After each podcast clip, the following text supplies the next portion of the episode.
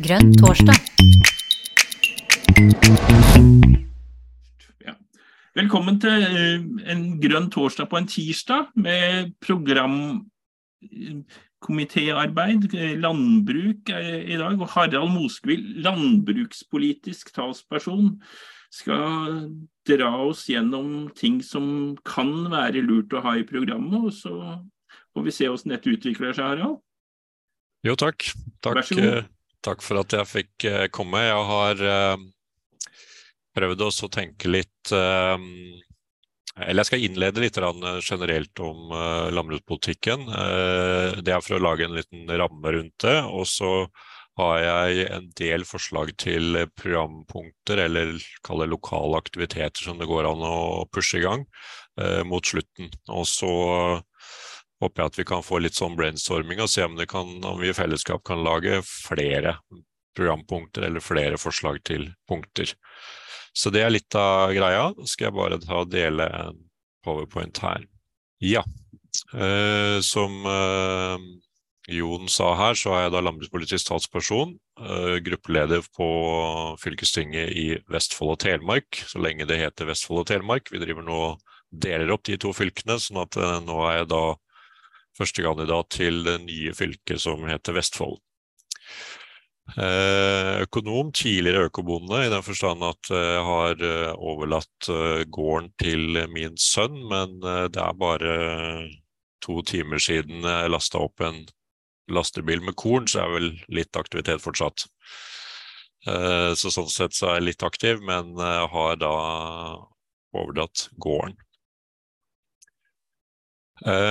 Tenkte jeg ville begynne med det her. eh, og Grunnen til at jeg begynner med det her, er at eh, hvordan vi bruker jorda i Norge er veldig vesentlig i forhold til vår landbrukspolitikk og i forhold til hva vi eventuelt kan gjøre med den, og hva slags behov vi har for å forandre den. Eh, vi har en situasjon i dag hvor 90% av arealet benyttes til dyrefôr. Og vi har ikke nok dyrefôr med å bruke de 90 av, sånn at i tillegg så kjøper vi eh, soya fra Brasil, som mange har fått med seg. Eh, vi kjøper raps fra eh, Tyskland og andre land i Europa, og i perioder så kjøper vi jo korn også fra Eller vi vil jo også kjøpe korn fra, fra flere land eh, rundt i verden. Forhåpentligvis ikke, eller vi har ikke kjøpt noe korn fra Russland i år, men det er bare et par år siden vi gjorde det, faktisk. Eh, Så det er et eksempel på at det skal veldig mye areal til for å produsere dyrefôr.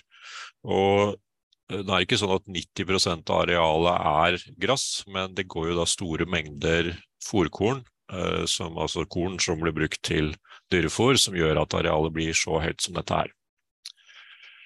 Og så bruker vi da bare, bare 8% til matkorn, som vi da som en ganske liten andel.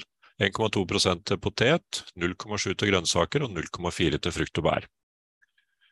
Og Det betyr at når eh, jeg i min rolle har vært ute og promotert at vi må øke grønnsakproduksjonen betydelig, eh, så har det jo vært litt sånn tendenser til eh, ramaskrik eller mye på en måte motstand, fordi at det vil gå utover husdyrproduksjon, sier man.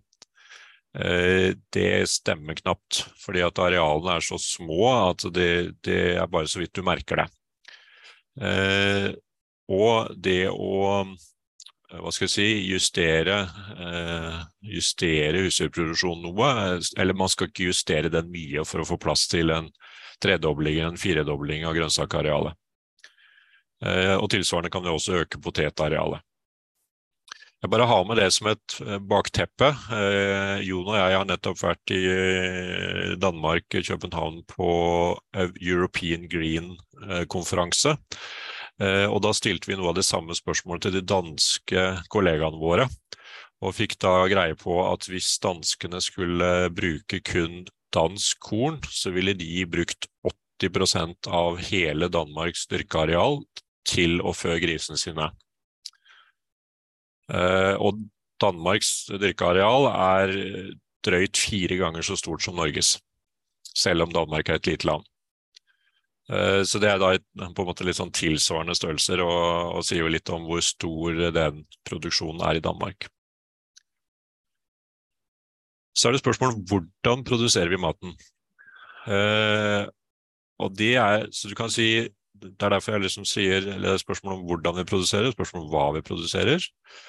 Økologisk skulle vi gjerne hatt mye mer av. Eh, bra for naturen, bra for dyr og bra for mennesker. Eh, folk etterspør det. Eh, allikevel så er det sånn at nei, det, det, selger ikke så godt, sier de. Men det er klart at det er ikke sånn veldig lett å finne i butikken. Sånn at tilbudet er ikke så stort. Og dessverre så er jo veldig mye av det man også finner i produktet i butikken, kommer fra nettopp Sverige og Danmark. Fordi de har en vesentlig større produksjon. Andelen økologisk i Norge i dag er under 5% 4,5 eller 4,7 eller noe sånt. Andelen økologisk i Sverige er nå oppe i 18% eller nesten 20 og i Danmark fikk vi bekreftet at den var ca. 12 så sier EU at de setter seg et mål om 25% Det betyr at vårt mål i Miljøpartiets program på 20 er egentlig litt svakt. Eh, men med utgangspunkt i 4,5 så er det fortsatt et ambisiøst mål. Så nevner jeg regenerativt landbruk. Eh, hvis det landbruket er økologisk, så kan vi kanskje betegne det som beyond organic. Amerikanerne bruker et sånt begrep. Det betyr at det skal være, organ, eh, være økologisk, men skal, men skal også gjøre noe mer enn minstekravet i den økologiske produksjonen. Men regenerativt som, som, fenomen trenger ikke være økologisk, det kan også være konvensjonelt. Eh, og, men det som er på en måte den grunnleggende tankegangen her, det er at man gjødsler og stimulerer jorda, og ikke plantene. Altså det er spørsmål om du skal eh, det er liksom på en måte Ytterpunktene er i regenerativt arbeid, eh, landbruk, kontra en eh, flytende gjødsel som du tilsetter på bladene. Eh, da har du på en måte litt ytterpunktene. Så det vil si at I regenerativt landbruk har vi et voldsomt fokus på det som skjer under bakken. Vil si å pleie mikrolivet og få til en stor organisk aktivitet og for så vidt også organisk innhold i jorda. Og Hvis du lykkes med det, eh, snakket akkurat med en av bøndene som har drevet aktivt med det, så sier at da, da trenger vi ikke gjødsel. Og vi trenger, eh, I konsekvens så trenger vi verken husdyrgjødsel eller, eller kunstgjødsel. Og i noen tilfeller så er det i hvert fall ikke kunstgjødsel, fordi kunstgjødsel i den prosessen her eh, fort vekk kan kortslutte det mikrolivet som vi ønsker å etablere. Så du får på en måte en sånn Du får en motsetning mellom de to. Eh, dette, det er jo etablert noe som heter Regenerativt Norge, som de som er interessert kan ta en titt på. Eh, og det er spennende prosjekter på dette her. Eh, men dette er typisk et område som vi skal komme tilbake til, hvor det er stort behov for kunnskap. Altså både jeg, øvelse og, og testing osv. Så er det spørsmål skal vi fortsette med konvensjonelt, eh, og det vil nok bestå. Men det som er om å gjøre, er jo at de lærer av de to øvre som vi har snakket om. Eh, og det gjør de for så vidt, men kanskje ikke i så stor grad som hva skal jeg si, reklamen for norsk landbruk tilsier. Vi har en, Norsk landbruk har en sånn tendens til å liksom legge opp til å si at alt er bra i norsk landbruk fordi vi har et veldig lavt antibiotikaforbruk. Eh, og det stemmer. Det er eksepsjonelt lavt, både i verdensmålestokk og for så vidt også europeisk målestokk, og kanskje også skandinavisk. Eh, men det er ikke dermed sagt at alt annet er i orden av den grunn. Eh, men det brukes for alt det har vært, og, og sånn sett så, er liksom, eh, så er en, har de på en måte klart å holde en en høy tillit til norske produkter. Og det er jo også noe av grunnen til at det er lite fokus på økologisk, fordi man liksom tenker at det, det er jo bra nok. Uh, mens vi ser da både Danmark og Sverige har mye større fokus på økologisk, og, og, det skulle vi også gjerne hatt i Norge. Og det kan vi bidra med. Så det er litt på en måte et bakteppe på uh, hva vi egentlig bruker jorda til i dag, og hvordan produsere. Og så er det da spørsmålet om hva skal vi produsere. Uh, nå er ikke dette ment som uh, akkurat eh, programpunkter inn i deres lokale kommune- og fylkestingsvalgsprogram, men vi skal komme litt tilbake til det etterpå, hvordan vi kan eh, koble det. Nå skal jeg bare flytte litt på dere, for nå kom dere litt i veien for teksten her. Eh, det som er på en måte vesentlig for en utvikling av norsk landbruksproduksjon, det er at vi bruker den beste jorda i hele landet til korn, grønnsaker, oljefrø, belgvekster og frukt og bær. Eh, det som har skjedd i de siste 30 åra ca., det er at man har fått et mer og mer ensidig landbruk, egentlig en form for monokultur, hvor det blir eh, hvor da eh, kornet blir borte i områder som f.eks. på Jæren. Eh, og eh, grønnsakene blir borte, f.eks. i Hordaland eller i Telemark eller eh, på Lillestrøm. Eh, fordi da henholdsvis på Jæren blir da stort sett bare, bare gress, og på Lillestrøm blir det kanskje bare korn. Og så ser vi da et paradoks, det var nevnt grønnsakproduksjon på Nøtterøy her, og der er det tendenser til at der er det grønnsakene som blir monokulturen. Fordi at det er så intensiv grønnsakproduksjon at det, man egentlig mangler et vekstskifte på den måten. Nå vil jo noen av de måtte tvinges til vekstskifte, fordi at du kan ikke dyrke det etter hverandre, men allikevel så, så, ender det på en måte opp som en monokultur der også. Så jeg har jo brukt en del energi på i min rolle å på en måte pushe det at grønnsaker kan vi dyrke over hele Norge. Og Da vil de fleste protestere og si at det går jo i hvert fall ikke i Finnmark. Eh, men så ser vi da at eh, landbruksskolen i Tana dyrker eh, gulrøtter så de beviser jo at det går, det også. Eh, og så vil jo noen si at ja, avlingene blir så dårlige. Eh, men det er en sant med modifikasjoner. Og så er det jo noen andre ting, og det er at dyrker du bringebær i Nordland, eller grønnsaker i Tana, eller, eller andre mm, steder i Norge, så kan du oppleve at det du egentlig dyrker, er et annet produkt enn om vi gjorde akkurat det samme i Vestfold eller hvor det måtte være. Eh, du, får, du, kan få smaksvarianter og du kan få kvaliteter som vi ikke produserer der hvor vi liksom normalt tenker en grønnsakproduksjon. Innenfor dette området her så pleier jeg å si at vi, her har vi masse å lære av fransk vinproduksjon. Eh, hvis dere tenker der hvordan fransk vinproduksjon, eller ikke det trenger ikke være fransk, det kan være hvor som helst, men tenk på hvor, hvor mye man legger i distrikter og jordsmonn og kvaliteter og smaker osv. Dette skulle vi gjerne også hatt mer av også over på, på grønns, grønnsaker og, og for så vidt på poteter osv. Der har vi jo hederlige unntak, eh, bl.a. i Vestfold, hvor man da har utvikla varemerker eh, knytta til eh, begge deler. Så her er det masse å hente, eh, men det grunnleggende er at vi bruker den beste jorda til dette. Eh, eksempelvis eh, på Jæren så har kornarealet blitt redusert til en tredjepart over en periode på 10-15 år. Det var ikke sånn kjempestort fra før heller, men sannheten er at kornarealet på Jæren kunne vært økt. Og ville også gitt veldig gode avlinger, fordi at du har rikelig med næringstilgang gjennom husdyrgjødsel. Det er bare ett eksempel på at vi har slutta å bruke den beste jorda til disse tingene som vi ser her. Så jeg er opptatt av at vi skal utvide mangfoldet i produksjon med nye vekster. Eh, søtpotet dyrkes da på, i Færder kommune, også på Smøla, så vidt jeg husker. Eh, quinoa dyrkes på Hamar, tror jeg. Eh, bønner kunne vi dyrka mye mer av i Norge. Hamp er et veldig spennende produkt, men det er, eget, det er et eget foredrag. jeg si. det er så stort at der er det mye å ta av. Men uh, hamp som vek, en vekstskiftevekst kunne vært veldig spennende. Ja, Vi skal vel ikke røyke det? Nei, og det, det, er jo en morsomhet når det gjelder det. da, at hvis du, Dette kalles industriell hamp. Uh, og da, sier, da, tuller de med at hvis du prøver å røyke den, så er det større sjanse for at du dør av kols enn at du får noe særlig glede av den. for det skal, det skal altså store mengder til. Ja.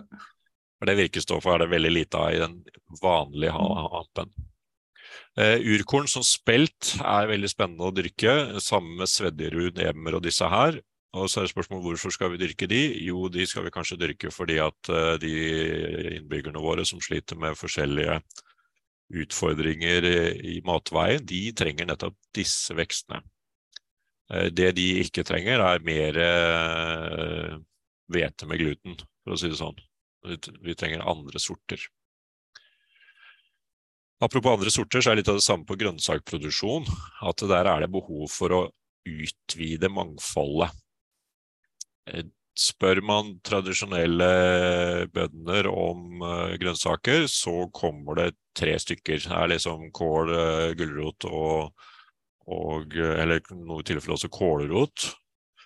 Eh, relativt få, kanskje rødbeter, kan komme inn på lista. Men når vi ser andelslandbrukene her, og markedshagene, så kan de dyrke 50 sorter, og kanskje enda flere.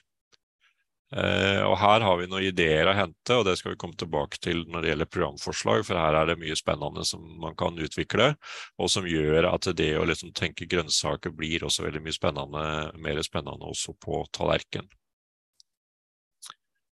Eh, så er det kjøttproduksjon, eh, og der er jeg da Mitt på en måte budskap der er at den må nedjusteres. Vi skal ikke slutte med kjøttproduksjon i Norge, men den skal nedjusteres sånn at den faktisk har muligheten til å skje på norske ressurser.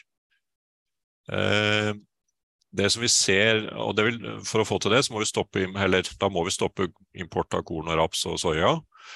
Eh, men det krever store endringer, og kanskje største endringer egentlig for fjørfe og svin, fordi det er de som bruker mest soya. Nå har vel Norsk Svinavlslag, tror jeg det heter, eh, Nordsvin, laget et prosjekt hvor de skal ha 100% norsk fôr. Eh, men problemet da er at det, det, kreves mye areal til å dyrke det arealet, dyrke det fôret. Eh, men i liksom kommunikasjonen vår så er det på en måte viktig å si at vi, liksom, vi er ikke ute etter å fjerne kjøttproduksjonen i Norge. fordi hvis vi hevder det, så vil vi fort komme i en situasjon hvor vi eh, på en måte får motstand på ja, men eh, ja, vi har jo arealer i Norge som bare egner seg til gress. Og det er riktig, men ikke på langt nær så mye som vi i dag bruker til gress. Eh, og det betyr at vi må finne en slags middelvei her. Eh, og så er det spennende å tenke kjøttproduksjon i en annen eh, Hva skal vi si En annen setting, eller på en annen måte. og det vil si kjøttproduksjon i et kretsløpsjordbruk, og ikke som en separat produksjon. Og eventuelt også et gressbasert kjøtt, kjøttproduksjon. Poenget her er at vi skal ha et samspill mellom denne kjøttproduksjonen eller storfedriften, eventuelt også fjørfe og svin, og alle de andre vekstene som jeg har da nevnt på denne sida her. Eh, også utnytte fordeler og ulemper med disse her. Eh, og Det har vi sett eksempler på i eh, Sande i Vestfold, hvor vi har et samarbeid mellom to økologiske produsenter. En som driver med melk, og en som driver med grønnsaker. Eh, første året så skjønte ikke han med grønnsaker om hvorfor han skulle bytte jord med han som drev med melk. Han tenkte at det var ikke noe vits i. Men det andre året så lurte han på om han ikke kunne få tre ganger så mye, for da hadde han sett effekten på grønnsakene. Med den jorda som kom fra den husdyrproduksjonen, og, og som han da fikk lov til å bruke. Så eh, kretsløpsjordbruk er spennende, og der ser vi også noen andelslandbruk som gjør det på, på veldig bra måter. Så snakkes det jo om selvforsyning, og det er liksom en sånn sånn greie som brukes mye innenfor landbruket. Og da sier vel regjeringen 50 eh, De har vel strengt tatt ikke kommet opp med en sånn veldig god forklaring på hvordan de skal få det til, men det er jo kjekt å ha et sånt mål, for det ser jo fint ut. I dag så er vel selvforsyning i praksis under 40 litt avhengig av avlingene. I år har det vært gode avlinger, så kanskje vi kan krype opp imot 40 eh, skal man komme til 50 eh, Kanskje det er mulig. Skal man komme til 60 som vi foreslår, så er, er det helt umulig hvis man ikke samtidig endrer kostholdet. Man må både endre produksjon og endre kostholdet. Og det er jo det vi ønsker. Og det er også i tråd med helseråd, så sånn sett er det ikke bare vi som ønsker det. Så det var litt om hva vi skal produsere.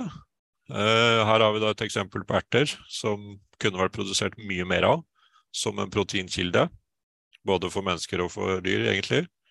Uh, og vi ser jo spennende eksempler med erter nå, hvor man bruker erter som proteinkilde til diverse vegetarretter. Og da er spørsmålet Skal vi se, nå gikk jeg litt fort her. Da er litt spørsmål hva har vi på tallerken? Og der vi, begynner jeg å nærme meg dette med programforslag. Eh, mer vegetar, mer vegansk, eh, men kanskje enda bedre motivere flere til å bli fleksi... Jeg kan ikke si det engang. Fleksitarianere.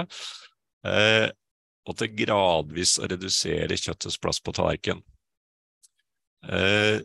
Hvis veldig stor del av befolkningen gjorde det, det gjelder da i hele verden, så vil det ha stor betydning for matproduksjon. Og vil gjøre at vi har store muligheter for å produsere mat til mange flere enn det vi gjør i dag. Og våre danske venner som vi traff i helga, så hadde stilt spørsmålet til landbruksministeren hvor mange mennesker, flere mennesker kunne man mette i Danmark hvis han reduserte denne svineproduksjonen som jeg nevnte, med 20 altså redusere den med en femtedel. Og det ble litt sjokkert over svaret, for det var fire millioner mennesker eh, på det arealet som da ble ledig. Eh, så her er det mye å hente. Men det som jeg tenker, og som kan være når vi begynner å nærme oss eh, programforslaget her, det er at eh, vi trenger å øke kunnskapen om vegetarretter og vegetar kokkekunst. Eh, ser merkelig utfall av det holdt jeg på, å si, på både restauranter og på kantiner og forskjellig. Uh, hvor, det liksom, hvor det er helt klart at dette er, en, uh, er stemoderlig behandla fordi at det er en, en sånn sideaktivitet. Uh, som de ikke kanskje føler seg helt komfortable med. Og der tenker jeg at det er ypperlig oppgave for kommuner og fylkeskommuner å på en måte løfte den kompetansen, både gjennom sine videregående skoler og gjennom uh, sine kantiner og sine opplegg. Og du kan også tenke deg å kjøre kurs eller kompetanseprogram for sånt nå. Uh, fordi dette er viktig for å endre kostholdene. Kosthold er liksom ikke noe som du Det er ikke noe hjelp å sende ut e-post til alle innbyggerne og si at nå skal du endre kostholdet ditt. Man må lære å, å klare å verdsette nye måter å gjøre det på. Eh, og så er det om å gjøre å bygge ned fordommer eh, mot eh, vegetar eh, ved å tilby det at det på stadig flere steder er en standard del av menyen. Der var det en, en kantineleder eller kokk som jeg husker ikke, Det var en av de store kantinene på en, av, en mekanisk bedrift. Jeg husker ikke navnet på bedriftens farta, men det er det samme. Eh, hun hadde innført eh, vegetar, eh, men hun hadde ikke sagt det til noen. Så hun hadde bare begynt å innføre en del retter, og dette var spennende nye retter. Men først en stund etterpå sa hun at det var strengt tatt vegetar, flere av de. Så hennes motto var at ikke lag så mye støy, bare begynn å, begynn å tilby det.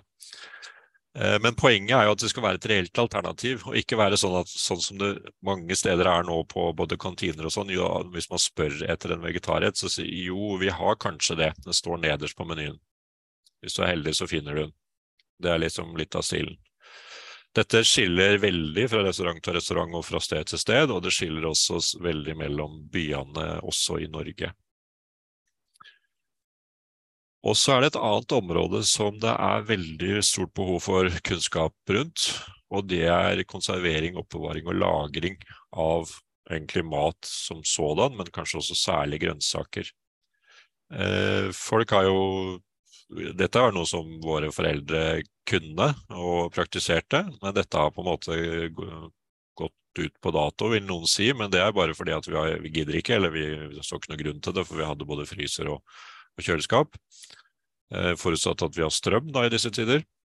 Eh, men her er det, her er det spennende å, å, tenke kompetansebygging, fordi det har betydning for hvordan du kan nyttiggjøre deg eh, kanskje særlig grønnsaker en mye større del av sesongen. Vi hadde sjøl en erfaring med rødbeter, eh, hvor vi antageligvis var heldige med sorten. Hadde veldig gode lagringsegenskaper. Og vi da faktisk hadde rødbeter fram til april, kanskje begynnelsen av mai, som hadde en konsistens som var like bra som når vi tok den opp av åkeren i september. Uh, vi hadde, ja, vi hadde lagra den på en spesiell måte også, men var nok også heldige med sorten. Men det er et eksempel på en kombinasjon av de to. Og dette er eh, viktig for at man skal på en måte kunne eh, ta vare på det man dyrker, og, og på den måten uh, få mer glede av det og få en, uh, en mer spennende meny hele året, ikke bare akkurat i høstingssesongen.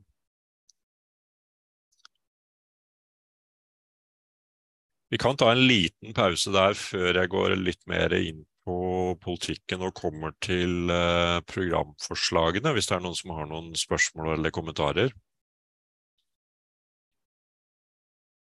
Her er det bare å kaste seg på.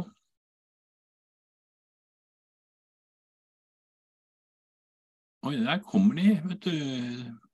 Harald. Jeg tror Anders var først. Mm. Klart.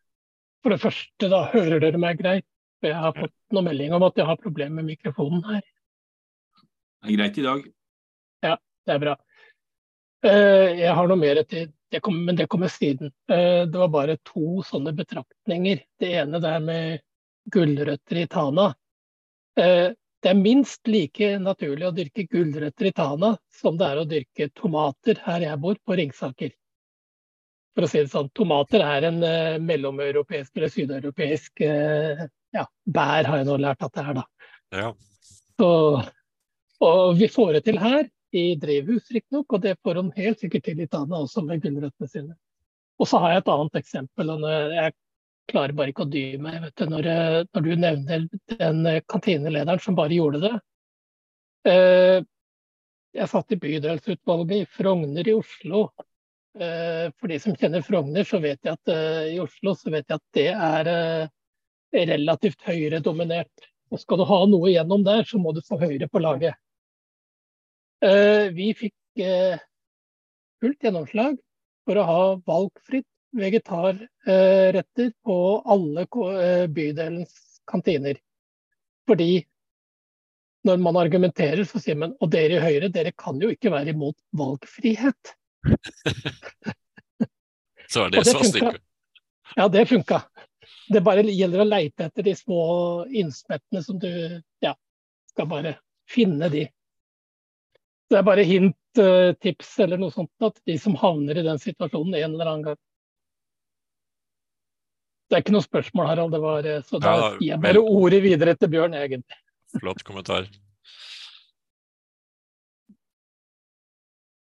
Altså, yes, det er to ting jeg egentlig lurte på her. Det ene er økologisk, hvor mye vi skal gå inn for det. For dette er jo en privat organisasjon, sånn Steiner-organisasjon, som egentlig kontrollerer det. Jeg ville likt noe sånt noe som var mer statlig Ja, altså Jeg liker ikke den eh, kontrollen og styringa av det med økologisk. Det kan du kanskje si litt om. Og Det andre tingen som jeg tenkte på, det var det, dette her med Når det gjelder omlegging av matvaner, så syns jeg jo at det å ikke nevne fisk er pussig. Villfisk må være helt greit i Norge. Og spesielt da syns jeg at eh, Så vegetar, mer vegetar er greit, mer vegansk. Jeg syns ikke det er en viktig sak for oss. Der er det mer, mye spesielle ting som skal til, og sånn, så jeg syns vi skal gå inn for vegetar stort sett. Veganere er jo mer noen folk som har bestemt seg for et eller annet. Og ja, men eh, jeg har jo et kraftig mindretall i Ikke kraftig, jeg er et lite mindretall, selvsagt, i programkomiteen i Bergen om dette her, da. Men ja, det var mine kommentarer, egentlig. Så. Ja, takk. Jeg kan, uh, kan, svare på de. Når det gjelder fisk, så du har du et kjempepoeng. Jeg var på, nettopp på en lansering av en rapport som Vitenskapsakademiet hadde gitt ut. Uh, husker jeg ikke farta av tittelen, men den kan jeg oppdrive. Uh, og de poengterte de, Det handla om bærekraftig landbruk i, i Norge, en ny rapport som ble lagt ut for 14 dager siden.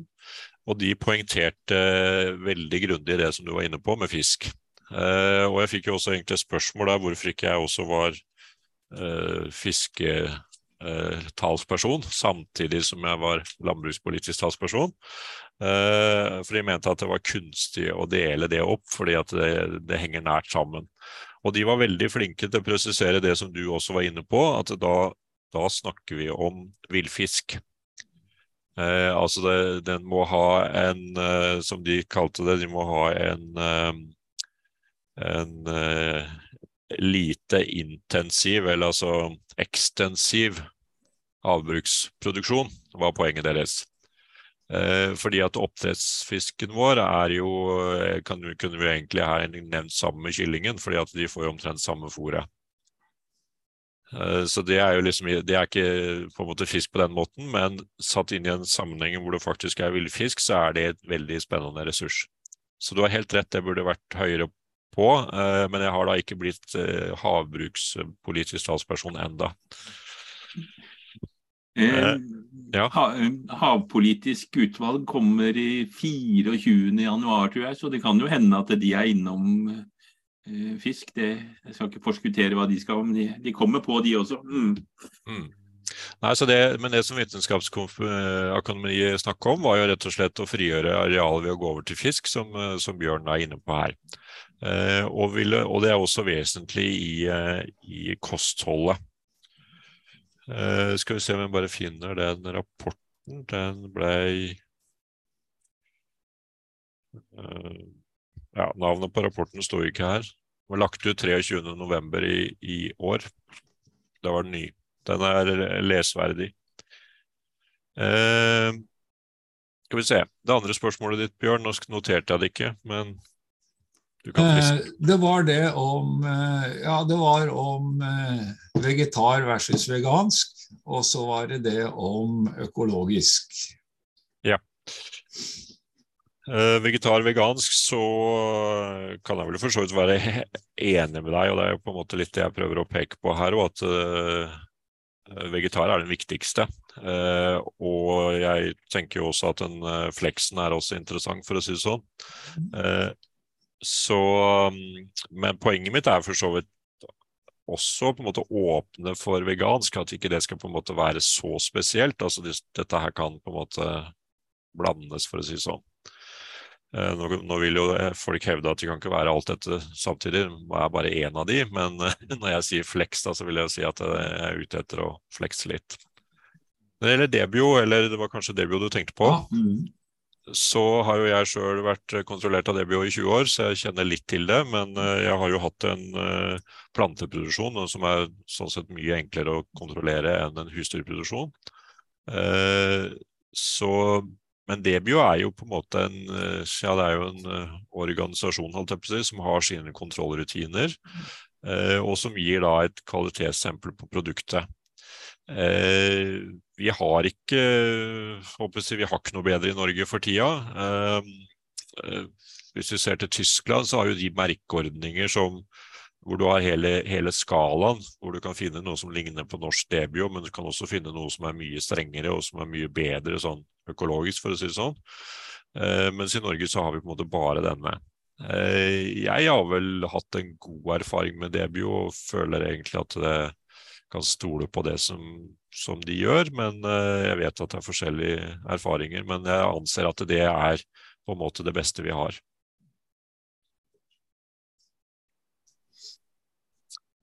Takk. Ja. Eh, er det flere spørsmål, eller skal du bare Der kom Anders igjen, ja. Må unmute meg, da. Eh, jeg er klar. Eh, siden vi nå først var inne på fisk og havbruk og sånt nå. Eh,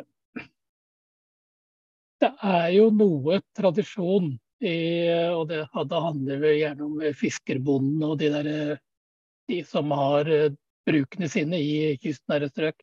Ja. Men det er no, noe tradisjon om å fòre dyrene med tang og tare, og også tilføre tang og tare til jorda. Eh, det siste er kanskje litt mer spesielt, men eh, eh, Så det er en kombinasjon der som vi helt sikkert kan utnytte i større grad når vi kommer i gang og dyrker tang og tare til mer kommersielt menneskefôr. Så kan vi også dyrke det til dyrefôr og, og i og for seg gjødselprodukter. Eller det ligger et spørsmålstegn bak der. Ja, eh, apropos Danmark, eller dette vitenskapsakademiet pekte på Danmark når det gjaldt tang og tare. Eh, de hadde, der hadde jeg eksempler på at man hadde satt det i, i, system hvor man både brukte det som fôr til dyr, og man brukte det også i kompost. Eh, at man på en måte hadde da en mekanisk rensing av, av strender for å på en måte få, få litt volum. Eh, det er ikke så lett eh, i fjæra på Stad, for å si det sånn. Eh, kanskje, men, eh, men, poenget er at de hadde en mekanisk rensing av strendene hvor det ble litt volum, og brukte det da inn på den måten. Eh, så det, er jo en, det, var jo da på en måte å kalle naturlig høsting, egentlig. Eh, men så er det jo spørsmål om dyrking av tang og tare. Og dette er et sånt område hvor, vi, hvor det er mye uoppdaga. Nå finnes det jo en del anlegg, så det er jo i gang nå. Har, de har startet. Så, men det vi men det, vi ser, er at sånn type utvikling tar litt tid til det på en måte blir noe volum av det. Men her er det masse muligheter. Ja, og nå var jeg vel egentlig litt over på programarbeidet hvor eh, kommuner og fylker osv. fylkeskommuner kan ja, yte støtte eller noe sånt noe til folk som driver med, med ja, det... sånn type for, forsøksdrift. da. Typisk eksempel på innovasjonsstøtte. For du kan si at hvis, øh, hvis håper jeg, denne type utvikling og testing burde helst ikke ha problemer med å få penger til testing. Eh, sånn at hvis fylkeskommunen eller hvis man i ditt fylke ser at her er det vanskelig for de å, å, få støtte, så kan man tenke seg ekstra fylkesstøtte. Som går på en måte ved siden av, eller som kommer istedenfor Innovasjon Norge eller lignende. Mm. Jeg bor vel i det eneste fylket som ikke har noe uh, tang og tare, da, siden jeg bor i Innlandet. ikke så mye i Mjøsa, nei? Nei, det er noe algevekst, men uh, det er ikke det helt det samme. Nei, vi må jo kanskje finne på noe med de algene, da, for det begynner å bli veldig mye alge i innsjøene våre nå, apropos. Mm. Yes. Skal vi gå litt ja. videre? Kom igjen. Litt mer om MDs, MDGs landbrukspolitikk. Dette blir kanskje litt uh, oppramsing av det vi har snakka om, men uh, vi skal se litt på det. Uh, produsere mer mat med lavere utslipp er hovedoverskriften. Uh, kraftig økning av grønnsakproduksjon, har jeg sagt. Økt proteinproduksjon.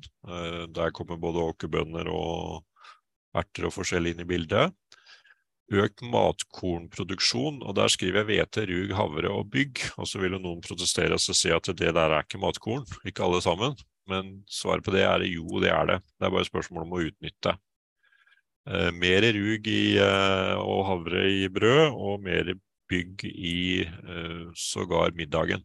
Altså eh, Bygotto og, og, lignende. Altså her er det muligheter. Eh, Norges bygdekvinnelag har gjort en ganske god jobb på å promotere bygg det siste. Eh, og også laget oppskriftsforslag og en del sånt noe. Så der kan det være noe å hente. Nedjustert fjørfe- og svineproduksjon, eh, det har vi snakket om. Nedjustert melk- og kjøttproduksjon. Mer basert på beita dyr og økt fokus på å bygge organisk materiale i jorda og karbon i jorda. og Det handler da om regenerativt landbruk, og innenfor regenerativt landbruk så er også beitepraksis spennende. Eh, det er sånn, Jeg husker ikke om jeg har det på lista som forslaget her, men det å liksom gi støtte, eh, kurs, kompetanse knytta til nye beitemetoder etter det regenerative prinsippet, er veldig spennende, fordi at det, det har mye positivt med seg, både fòrmessig og ikke minst det som skjer under bakken. Så er det på en måte grunnleggende i vår politikk, det er færre gårds... Ikke, færre, men flere gårdsbruk. Eh, fordi hvis vi skal innføre disse, en del av de prinsippene som jeg snakker om, så kan ikke gårdsbruka fortsette å bli stadig større det vil være, fort være en selvmotsigelse mellom, mellom, det, fordi at denne voldsomme monokulturen har en tendens til å forsterke seg. Så har jeg et punkt som jeg tror kanskje jeg har to ganger her, men det er fordi jeg er veldig opptatt av det, og det er at uh, vi kan tenke oss å innføre et stipend, eller en grunnlønn kan du også kalle det, for å reetablere gårdsbruk. Enten da gårdsbruk som rett og slett er lagt ned, eller reetablere virksomhet på et gårdsbruk som, som, på en måte har vært drevet før. Eller starte småskala grønnsakproduksjon, eller andre varianter. Og Grunnen til at jeg kaller det stipend, er med overlegg, fordi hvis du skal begynne med en sånn produksjon, så er den største utfordringen den er kunnskapsbasert. Altså du må lære dem nye måter å gjøre det på. Og vi har vanlig praksis i Norge for å gi stipend til studenter, så hvorfor ikke gi stipend til disse? Eh, fra eh, vårt fylke og fra flere fylker så har vi spilt dette inn som forslag i jordbruksforhandlingene, men vi har ennå ikke lest om det i jordbruksoppgjøret. sånn. Men dette er sånn som er spennende også å prøve lokalt. Hvis det er mulig å frigjøre midler i f.eks. en fylkeskommune. Eh, og, og da vil jo noen si at ja, men har vi råd til det, liksom? Eh, studentene får eh, husker jeg ikke helt beløpet, men la oss si det er en plass 130 000-150 000 eller noe sånt. Litt avhengig av hvordan du regner eh, studielån. og det kan kanskje være noe i, i det sjiktet vi snakker om, men det kan også prøves ut med lavere beløp. Poenget er egentlig at de skal kunne ha en slags grunnfinansiering som gjør at de har tid til å lære seg nye måter å drive på. Vi skal ikke bruke det stipendet for å bygge det gårdsbruket, men vi skal bruke det stipendet for å lære hvordan du skal klare å få det i gang igjen. Det er grunntanken her. Skal vi en liten tur innom skogen. Jeg skulle jo, skjønner jo nå at jeg burde vært en tur ut på havet òg, men det får vi ta en annen gang. Eh, men vi skal en liten tur innom skogen. Eh, grunnen til det er at eh, det er mye spennende programarbeid også knytta til skogen. Og Da må jeg si litt om hvordan skogbruket ser ut i dag i Norge. Eh, og lønnsomheten har falt dramatisk, med unntak av 2022. Nå har vi egentlig veldig gode priser, men vi er spent på hvor lenge det varer. Eh, og det er allerede ting som spøker litt for at det ikke varer så lenge. Andelen av bruttonasjonalprodukt har blitt veldig mye mindre hvis du ser et sånn 50-årsperspektiv. Andelen av sysselsetting er ekstremt lav fordi det er så mekanisert. Og trevirket har blitt vesentlig dårligere, gror altfor fort, eh, og det er lite fokus på kvalitet. Det er liksom måte, det er liksom tre sorte, sortimenter, liksom, i verste fall. Eh, vi utnytter ikke klimapotensialet. Eh, det er ikke sikkert jeg har tid til å gå inn i dybden på det, men på en måte en påstand her. Og så er det stor råvareeksport av både flis og tømmer. Vi tulla litt med det når vi nå var i Danmark, så var det så varmt inni disse husa. Og jeg kan jo forklare hvorfor, fordi den flisa kom fra Norge. Hovedvarmesentralen i København går, for, går, på flis fra Norge pluss avfall fra byen. Uh, vi truer arter med skogbruket sånn som det foregår, eh, og vi har løpende konflikt med, med, friluftsliv. Og det har på en måte tiltatt fordi at eh, folk føler at skogen blir bokstavelig talt borte hvis det ser ut sånn som det gjør på bildet til høyre her. Her var det riktignok ikke tatt alt, men eh, det er tatt mye.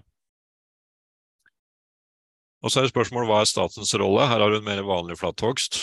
Uh, jo, de favoriserer flathogst, fordi det er bare på den måten du skaper volum. Og så sponser de planting. Eh, sånn at når du, når du, først har fått hogd dette her, så får du for så vidt uh, tilskudd for å plante, uh, og du får tilskudd for ungdomsskogpleie, og du har gunstige skatteregler for å gjøre det. Uh, men du har ingen incitament for å hogge den skogen på en annen måte. F.eks. Å, å ikke hogge ned alt sammen på en gang veldig gunstige skatteregler, egentlig. Skogfond, uh, skogfondordningen er så gunstig at andre næringer uh, De har vel strengt tatt ikke skjønt det, derfor så er de ikke så misunnelige. Men hvis de hadde skjønt det, så hadde de blitt veldig misunnelige. Uh, og så vil jeg vel påstå at en relativt svak industrisatsing, særlig hvis vi sammenligner med Finland og Sverige, så er det veldig svakt. Det er puslete, rett og slett selv om Arbeiderpartiet liksom liker å skryte litt av det, så blir det veldig smått i forhold til det vi ser i nabolandene våre. Det er litt av settingen og hvordan staten ser på dette. Og så er det spørsmålet kunne dette, vært, dette skogbruket vært drevet på en annen måte. Og det kunne det. Eh, og da er det litt morsomt, for da må vi tenke nytt. Denne boka heter Nytt skogbruk. Enkelte vil hevde at det høres ut som gamle prinsipper. Men den boka der er veldig spennende hvis man er opptatt av å drive skogbruk på en annen måte enn flatehogst og planting og i verste fall sprøyting før du istedenfor rydding osv. Eh, dette er en helt annen måte å gjøre det på. Forfatterne her har jobbet, hatt et uh, utydelig ansvar innenfor Oslos kommuneskoger, som, er, som er en relativt stor eiendom. Hvor de har testa ut en del prinsipper, og så er det en god del eksempler til svenske forskere som har også utvikla andre måter å, å drive skogen på. Dette blir lønnsomt, det blir bærekraftig. Det er samfunnsansvarlig. Og så skal vi se på et eksempel fra Slovenia som jeg ble kjent med i helga, som gjør akkurat disse tingene her. Her er et prosjekt i en by, kommune i Slovenia. Jeg tror ikke jeg klarte å uttale navnet på den, så det dropper vi. sånn. De tok, tok et utgangspunkt i 30 000 dekar skog. Uh, som uh, fantes i det området. Om det var kommunens egen eller om det var flere skogeiere, det fikk jeg ikke kunnskap om, men det har ikke så mye å si for eksempelet. De gjennomfører da en utvalgshogst, og det er det, det, som denne boken Nytt skogbruk snakker en del om. Det er en litt annen metode enn plukkhogst, som enkelte har hørt om, som har vært praktisert tidligere en mer selektiv metode. De brukte motorsag og mindre maskiner. De brukte ikke hogstmaskiner, for de mente at det ga for mye skader. Eh, de hogg flere treslag. Eh, de plukka ut det som de mente det som de eventuelt trengte til sagbruket, eller det som var smart å ta ut for å få en god skog neste gang de kom til samme sted, dvs. Si om ca. 15-20 år. Så, og, og, Hovedprinsippet var at når du hogg en skog, så var det ikke flathogst. Det var en selektiv hogst som hadde to formål. Det ene var å få ut uh, verdifullt virke, og det andre var å sørge for at det som sto igjen, skulle bli enda mer verdifullt om 15 år. Det er enkelt forklart prinsippet. Men det som var spennende med prosjektet i Slovenia, det var at de hadde da også lokalt sagbruk. Eh, de hadde lokal bruk av overskudd fra sagbruket i form av ved, biobrensel og eventuelt biokull. De hadde lokal utvikling av treprodukter, lokal design, produktutvikling, produksjon og salg av treprodukter. Være seg møbler eller forskjellig, var bare brukt en stol som eksempel. Dette ga en lokal verdiskaping på 44 arbeidsplasser. Jeg har ikke klart å regne ut hva 30 000 dekar skog i Norge Eh, ville gi til samme tida. Men dette var jo da 44 arbeidsplasser årlig. Eh, I Norge så har vi da x antall, ganske få antall arbeidsplasser på 30 000 dekar på 80 eh, år. Altså som vi skal fordele utover 80 år. At, eller 60, da, hvis vi er litt snille. Eh, de har det står 10-20, men 10-20% større tilvekst. Jeg vet ikke om de hadde beregna det, men den boka Nyss skogbruk snakker litt om det. Det vil si at de påstår at tilveksten er høyere enn det vanlige bestandsskogbruket. De har til hver tid tilgjengelige trær som kan hogges. De får bedre kvalitet på tømmeret fordi at de, de, trærne, de, ja, de, trærne, har forskjellig alder og får da en, får da en bedre kvalitet.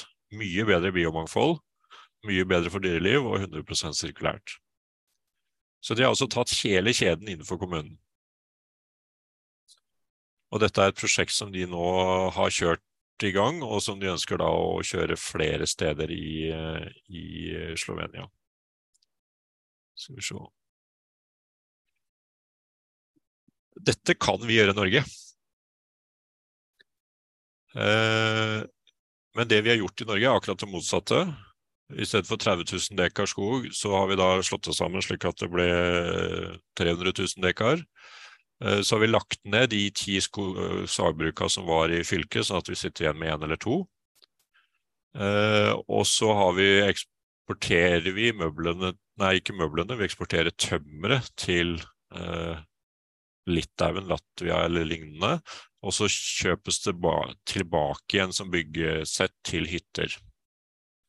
Det er omtrent sånn vi opererer i Norge nå.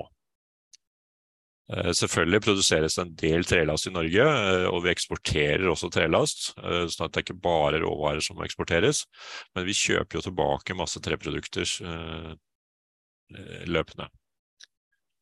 Så jeg syns dette var et spennende eksempel, og dette kan gjøres i forskjellige grader. Men det som er det unike her, er jo egentlig at her har, da, har man da en, en løpende eh, hogst, altså man driver da i prinsippet egentlig hogger tømmer hvert eneste år. Jeg har nok langt på vei praktisert en sånn skogsdrift på min egen eiendom, men jeg visste ikke hva det het for noe. sånn at jeg, jeg, har, jeg, har, holdt på med det i 35 år, eh, men jeg hadde ikke noe navn på det. Haralds metode kunne du jo kalt det. Ja, det er mulig. Eh, men jeg skal ikke på, at den har vært så vellykka, men, eh, men det ligner litt. Jeg skal bare se om jeg hadde et eksempel her på den, de arbeidsplassene, hvordan de var fordelt, om jeg hadde noe på det. For det var litt spennende hvordan fordelingen var.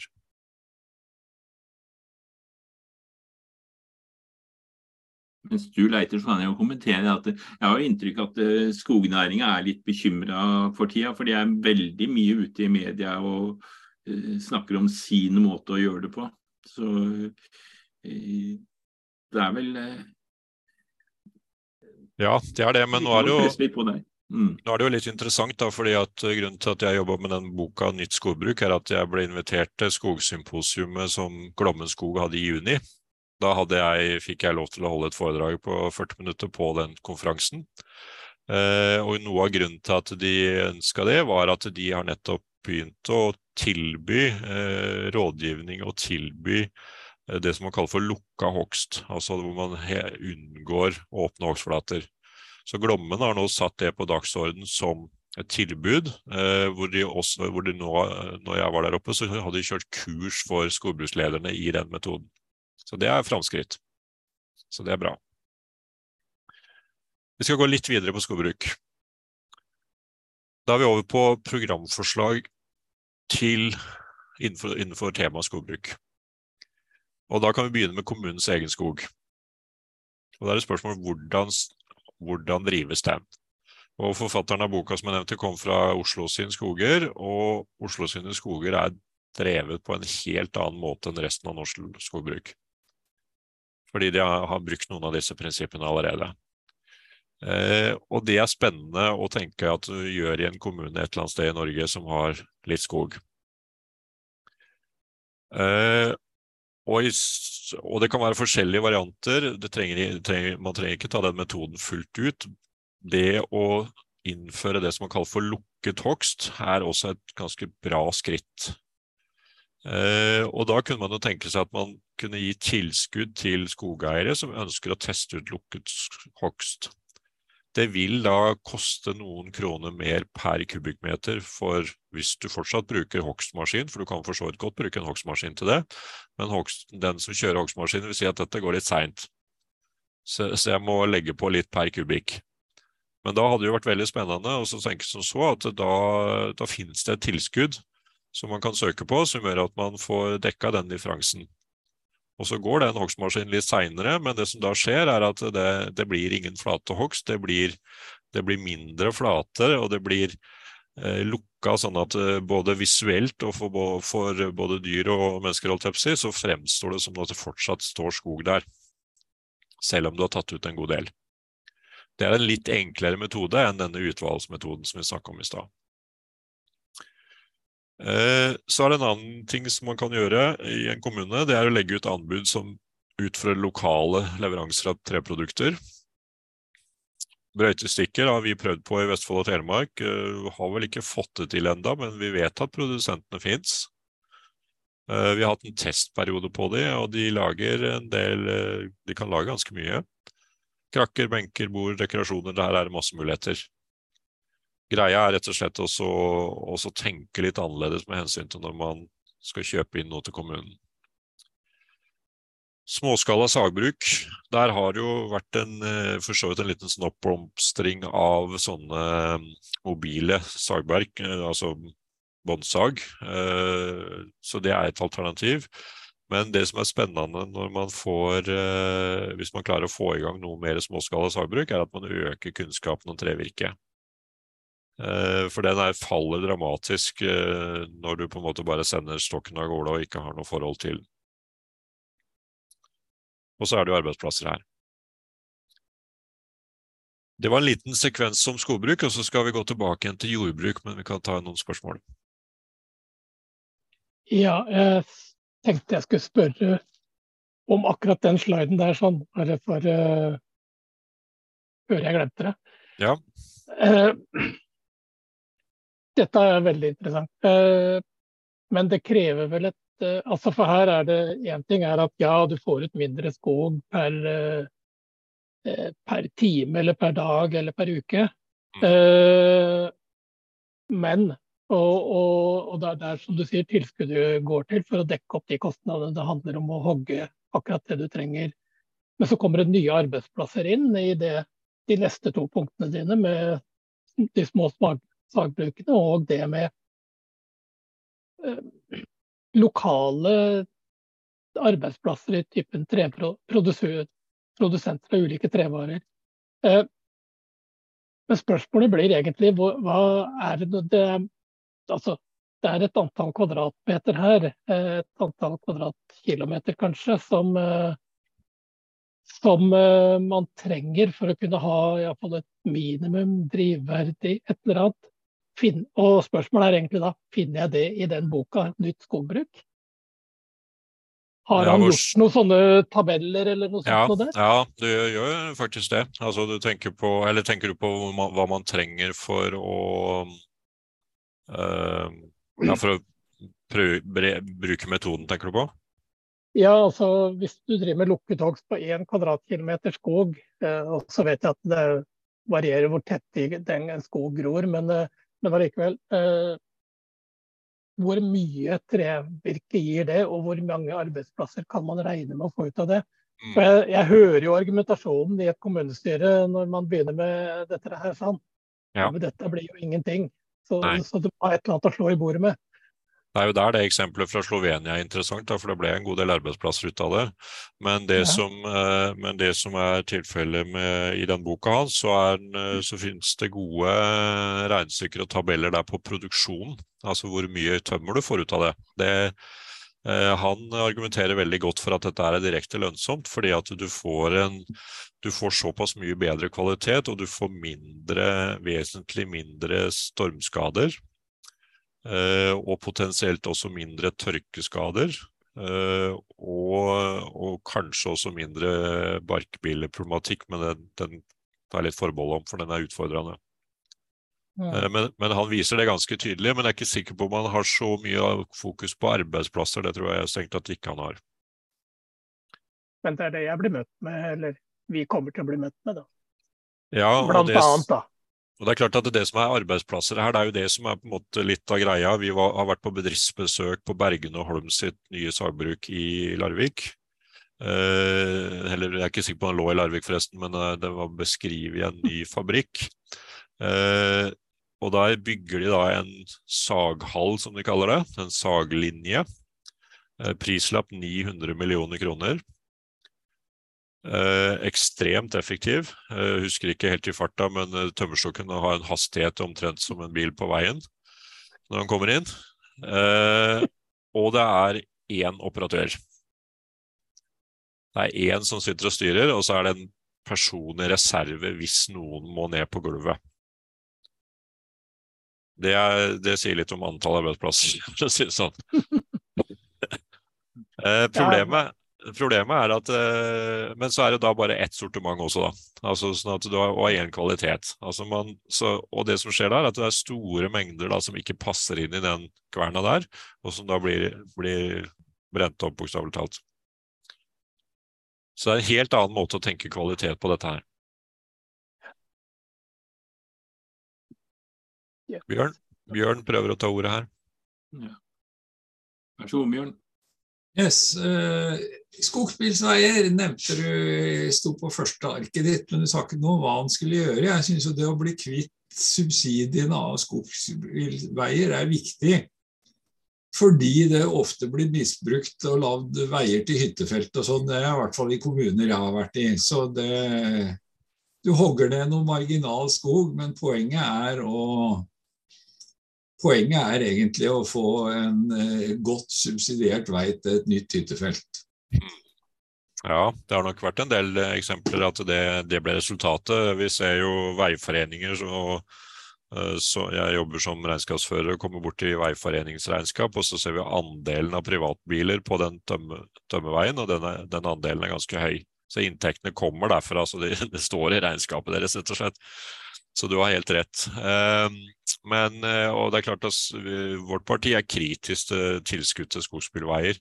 Fordi at eh, det er som regel eh, store inngrep. Og i en del tilfeller så er det arealet hvor det med fordel kunne kombinert med skogvern isteden. Sånn at vi ville jo mye heller ha flytta noe av de tilskuddene som brukes på skogsbilveier, over på disse tingene som jeg har snakka om nå.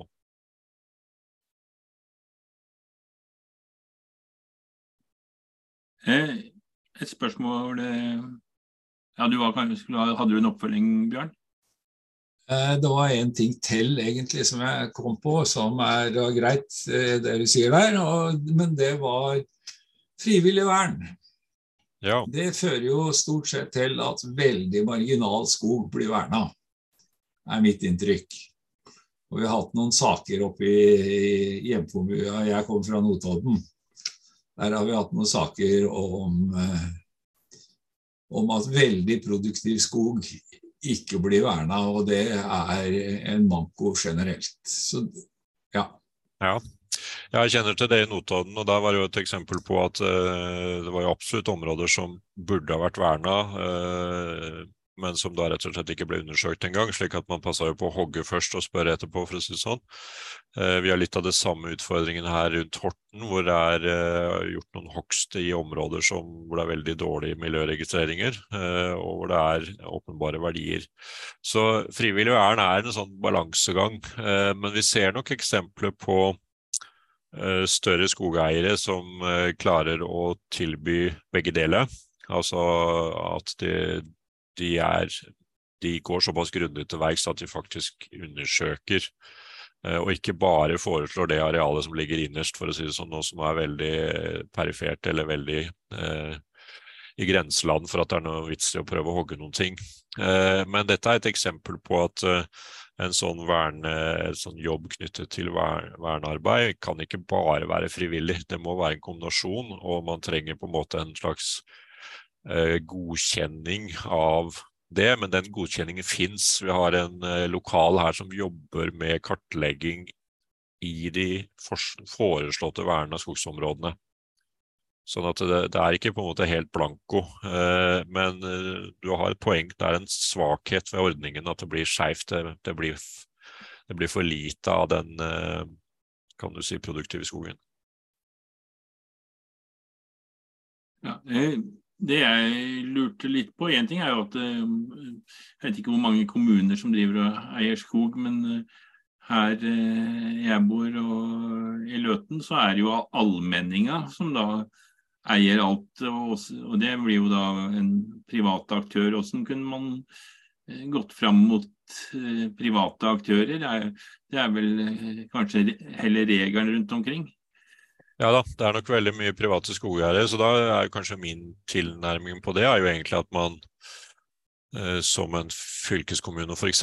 Kunne, kunne tenke seg å promotere kurs i lukka hogst, dette, dette, med nytt skogbruk, forskjellige sånne ting. For å appellere og utfordre da allmenningen til å markedsføre disse kursene og sånt, og eventuelt gjøre det i samarbeid med de da. Det kan være aktuelt. Og vi ser en trendskifte nå, som jeg nevnte for Glommen, hvor, eh, hvor, man, hvor skogeierforeningene ser at uh, vi er nødt til å på en måte spille på lag med, med innbyggerne nå. Vi kan ikke bare tenke tømmer. Så det er noe på gang der som kan spille på lag med sånt. Ja, Var det noen flere spørsmål, eller skulle du gå tilbake til litt landbruk?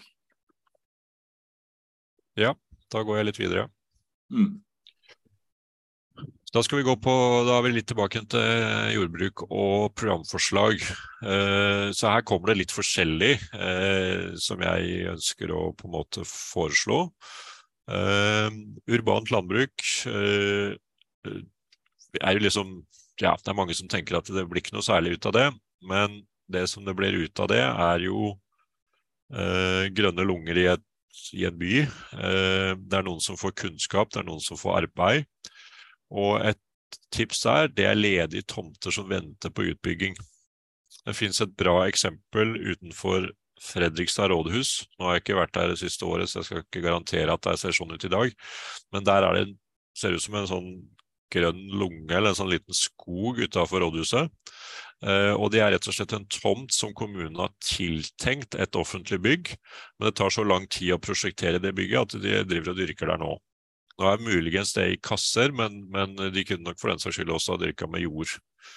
Eh, så det er et eksempel, men poenget er egentlig at eh, det finnes en del arealer rundt oss som på forskjellig vis egentlig er ingenting, fordi det venter på et eller annet. Og da er det på en måte spørsmål om å ta det i bruk.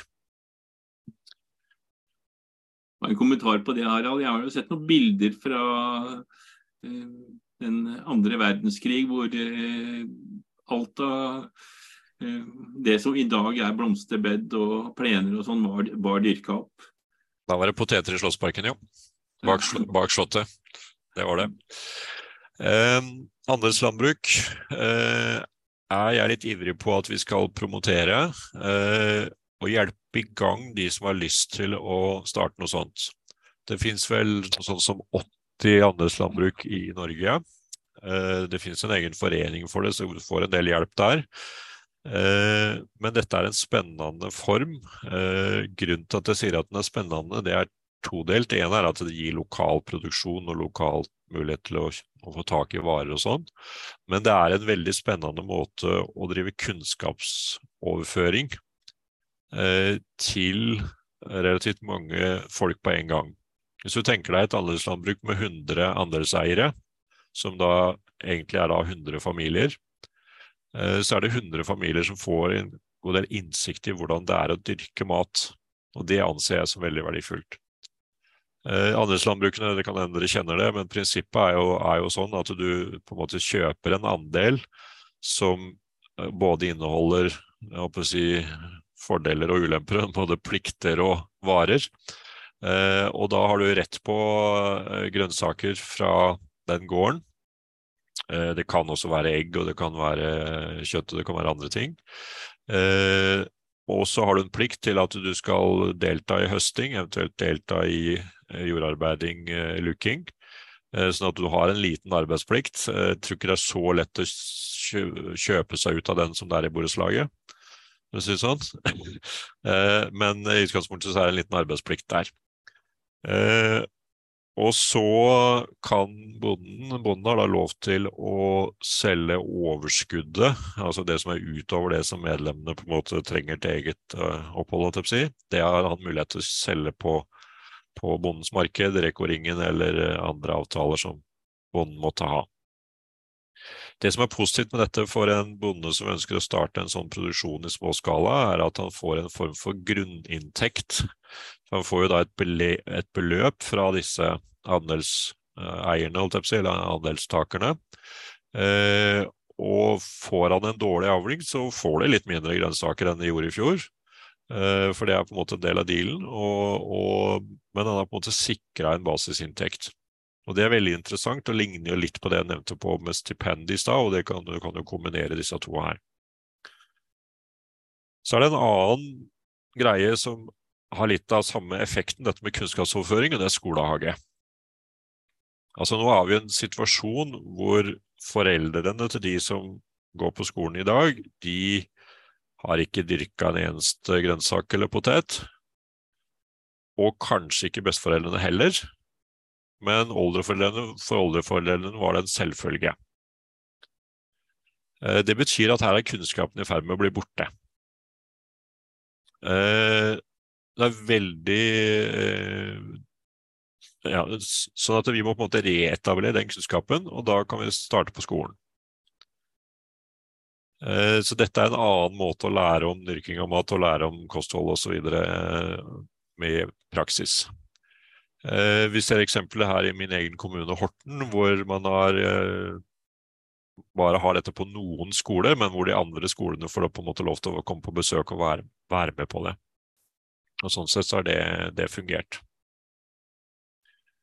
Eh, og skolehaget er jo en veldig konkret ting som du kan foreslå i kommuneprogrammet.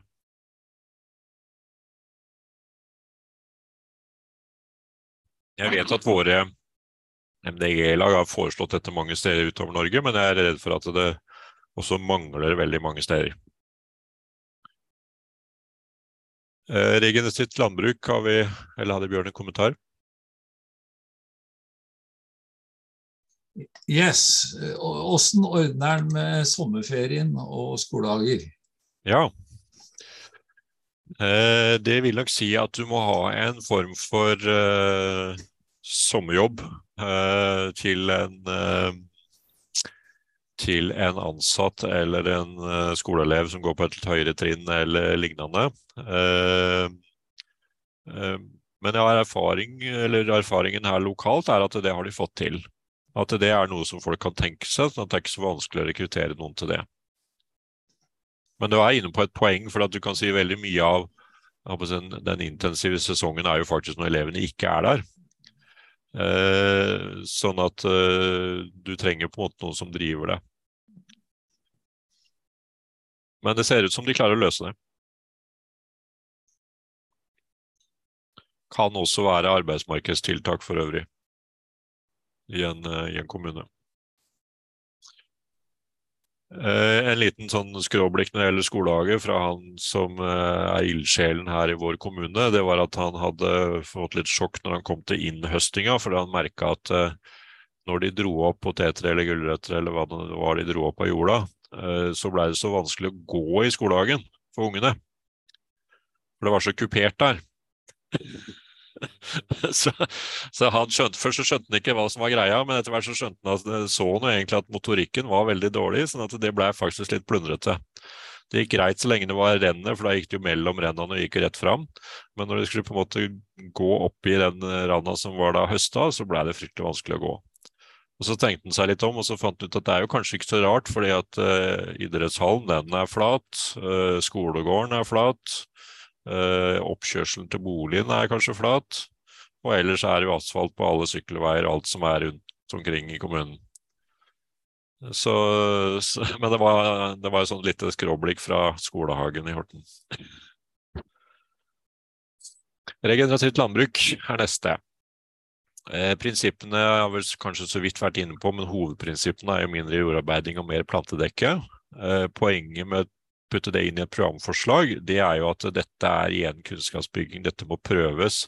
og Her trenger man å lage prosjekter, og man trenger å utfordre og støtte bønder som er villige til å prøve. Vi har gjort noen tester på våre eget gårdsbruk, og første året gikk det egentlig veldig bra. År nummer to var det noe mer utfordrende. Uh, og vi trenger å lære mer for å få det til skikkelig. Uh, og dette er jo typisk, altså Fylket har vel fått noen kunns, uh, kunnskapsmidler innenfor landbruk nå som fylkene har overtatt ansvaret for, og det kunne kanskje passe inn her. Men dette er også ting som kan være aktuelt å kjøre prosjekter på i enkeltkommuner. Det samme gjelder det neste, med dyrevelferd. Uh, vi har i vårt alternative jordbruksoppgjør foreslått beitetilskudd for gris. Det var jo noen som trodde det var en vits. Liksom alle har skjønt at uh, Men uh, beit, det fins jo ikke. men det fins bare i vårt jordbruksoppgjør. Men det er ikke helt ueffent å tenke at det skulle vært en, et lokalt tilskudd. Rett og slett for å få grisene ut. Det skjer veldig spennende ting når grisene kommer ut. Du bør helst ikke slippe dem på plenen, for da har du ja, da er den ferdig klargjort for grønnsakdyrking året etter. Anders?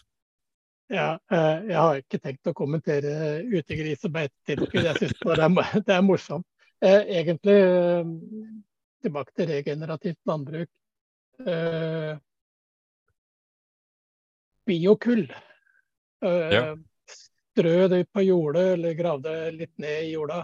Eh, både inn i jorda. Eh, det er jo Det er litt nytt i Norge i hvert fall, og sikkert eh, store deler av, eh, av Vesten. Eh, jeg har drevet litt med det i, det i, i min lille åker. Jon vet hvor stor den åkeren er, så den er ikke så diger. Men kan Og det er jo ikke noe veien for det at kommuner kan drive Bidra med støtte, type opplæring, type Jeg vet ikke hva slags støtte man skulle kunne tenke seg da, for de som skal gjøre det i litt større eh, skala enn det jeg driver med. Eh, Der er det et prosjekt, skal vi se om jeg klarer å huske hvor det var hen. Det er et prosjekt i eh, Sogn hvor en kommune har gjort akkurat det der. Hvor de har testa ut biokull i og også produksjon av biokull, hvor de har da kjøpt en, en enhet som på en måte lager litt mer enn det du får til på grillen, for å si det sånn. Mm. Uh, skal vi se uh, Og det, det var et sånt helt lokalt uh, tilsnitt. Mens Harald leiter etter det, da, for de som ikke vet hva vi snakker om. Biokull. Når du kjører pyrolyse i stekeovnen din, så, så til, er det høy varme og veldig lite oksygen. Og det du kommer ut med i andre enden, er biokull.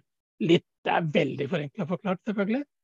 Men, eh, men eh, det er en av greiene. Og det kan du grave ned i jorda. Og så er det for det første karbonlagring, som vi som klimaaktivister eller hva vi kaller oss, eh, er litt interessert i. Og så er det eh, rimelig greit eh, tilskudd til jorda.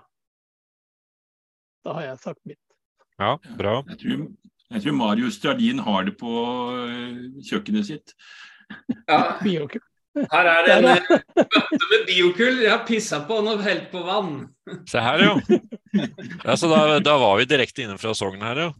Ja, ja, det kan du si. Nei, dette, dette er kjøpt av Opplandske Bio, eh, som produserer jo fôrkvalitet og dyrkningskvalitet av biokull. Så jeg har en eh, palle stående her ute som jeg bruker til min egen dyrking i hage osv. Mm. Det er eh, meget interessant fra mange perspektiver, spesielt selvfølgelig mot tørkeresistens, og sannsynligvis også det å bedre utnytting av, av næringsstoffene i jorda, rett og slett. At du kan, Det er ikke så godt dokumentert, det, men, men det absorberer jo mye næringsstoffer og avgir det langsomt via sopp, sopprøtter osv. Så, videre. så spesielt mot tørkeresistens, sandjord eh, og sånt, så er det spesielt godt, da, i tillegg til karbonlagring. Så Vi har også ovner lokalt her som, vi, vi, som kan ha litt større mengder enn en grill, for å si det sånn. Det er. Det er veldig spennende. Så det må, vi, det må vi få mer inn i programmet, spør du meg. Eh, Florø var den, den linken som jeg lette etter, hvor de kjøpte en, eh, en ovn som på en måte hadde en sånn 200 liters fat eh, størrelse. Mm. Eh, Det som er med, altså Svenskene har testa ut biokull ganske mye eh, i litt større skala. Eh, Jeg var på et eh, foredrag med en svensk bonde på en biokulldag en gang, hvor, hvor han da produserte 100 tonn i året og hadde tenkt å bruke det som jordforbedring i, på sin egen jord. Men dette var jo såpass verdifullt at han solgte alt til Stockholm kommune. Fordi Stockholm kommune brukte dette her da i alt som var av planting i midtrabatter osv. pga. vannfordrøyingsegenskapene som Marius var inne på, og også for så vidt næringsfordrøying. Fordi at biokullet holder da på vannet og gir fra seg vannet gradvis når det blir tørt igjen nedi der. Så de hadde redusert vann, vanningshyppigheten noe voldsomt. Eh, Og det er jo noe av de samme egenskapene vi også kan på en måte bruke det vanlige jordbruket. Så vi har en eh, her i Åsgårdstrand i Horten, så har vi en som som da testa ut dette her med å, å da kjøre biokull inn i kompost for å få enda bedre Da får den på en måte både vannfordrøying og næringsfordrøying i at denne komposten på en måte ikke lekker ut i jorda. Og Det gjør han da på ganske rein sandjord her på Raa, og han tar gode avlinger med grønnsaker pga. dette her. Men biokullet som sådan har ikke noen direkte gjødslingseffekt, men den har da den, den effekten at han både vannfordrøyer og, og også porsjonerer noe, i noe grad næringsstoffene fantastisk eh, verktøy, egentlig. Mm. Ja, det er et verktøy, katalysator, for å få til de andre greiene som du er egentlig er interessert i. Ja. Ja, det, det, tar jo også akutte forgiftninger til en viss grad, og det ser jo også nitrogen- og fosforforgiftning, for å si det sånn, i gåseøynene, som, som igjen da kan porsjonere litt ut. Mm. Ja, det er jo kjent med kullfilter, så sånn sett har den jo, har den, den egenskapen. Eh, jeg har, eh, men det er eget tema, holdt jeg på å si. Jeg har en del kontakt med noen forskere på NMBU som eh, driver og tester ut og lager biokull i ganske stor målestokk med eller stor, det kan du velge, men med en pyrolyse som er mikrobølgeassistert istedenfor uh, forbrenning uten luft hvor du rett og slett bruker mikrobølger omtrent som din egen mikrobølgeovn, og blåser ut det organiske materialet på den måten og sitter igjen med veldig rent biokull. Eh, prosjektet har ikke kommet helt opp i fart ennå, men det nærmer seg. Det, så her er det mye spennende. Karstein?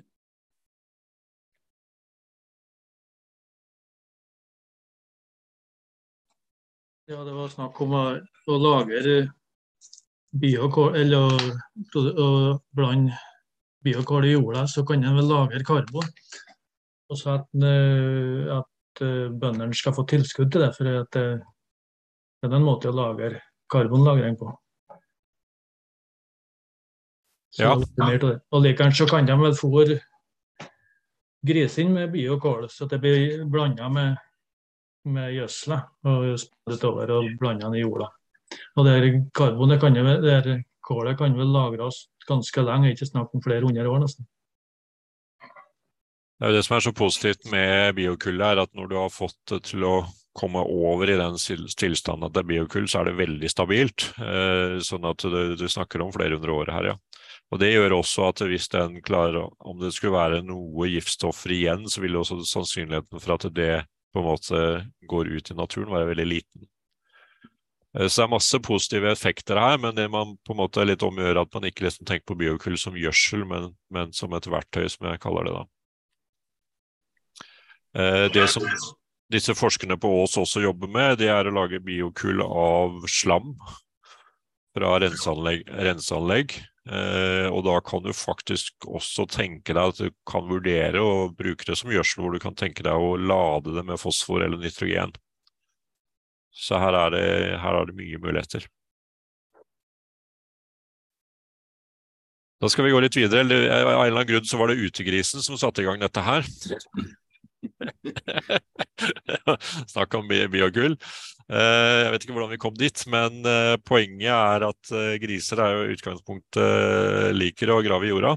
Så de burde i mye større grad vært ute. Og det er det spennende å tenke at man skal gi lokale tilskudd til, for det finnes ikke noe særlig over det vanlige jordbruksoppgjøret. Og litt av det samme også med utehøner. Det har blitt veldig kritisert pga. fugleinfluensa, eh, men eh, er jo også som natt og dag når det gjelder hønseproduksjon eller eggproduksjon. Eh, og det er jo at hvis hønene får lov til å gå ute, så har du en fantastisk dyrevelferd, og du har også i stor grad også veldig spennende produkter.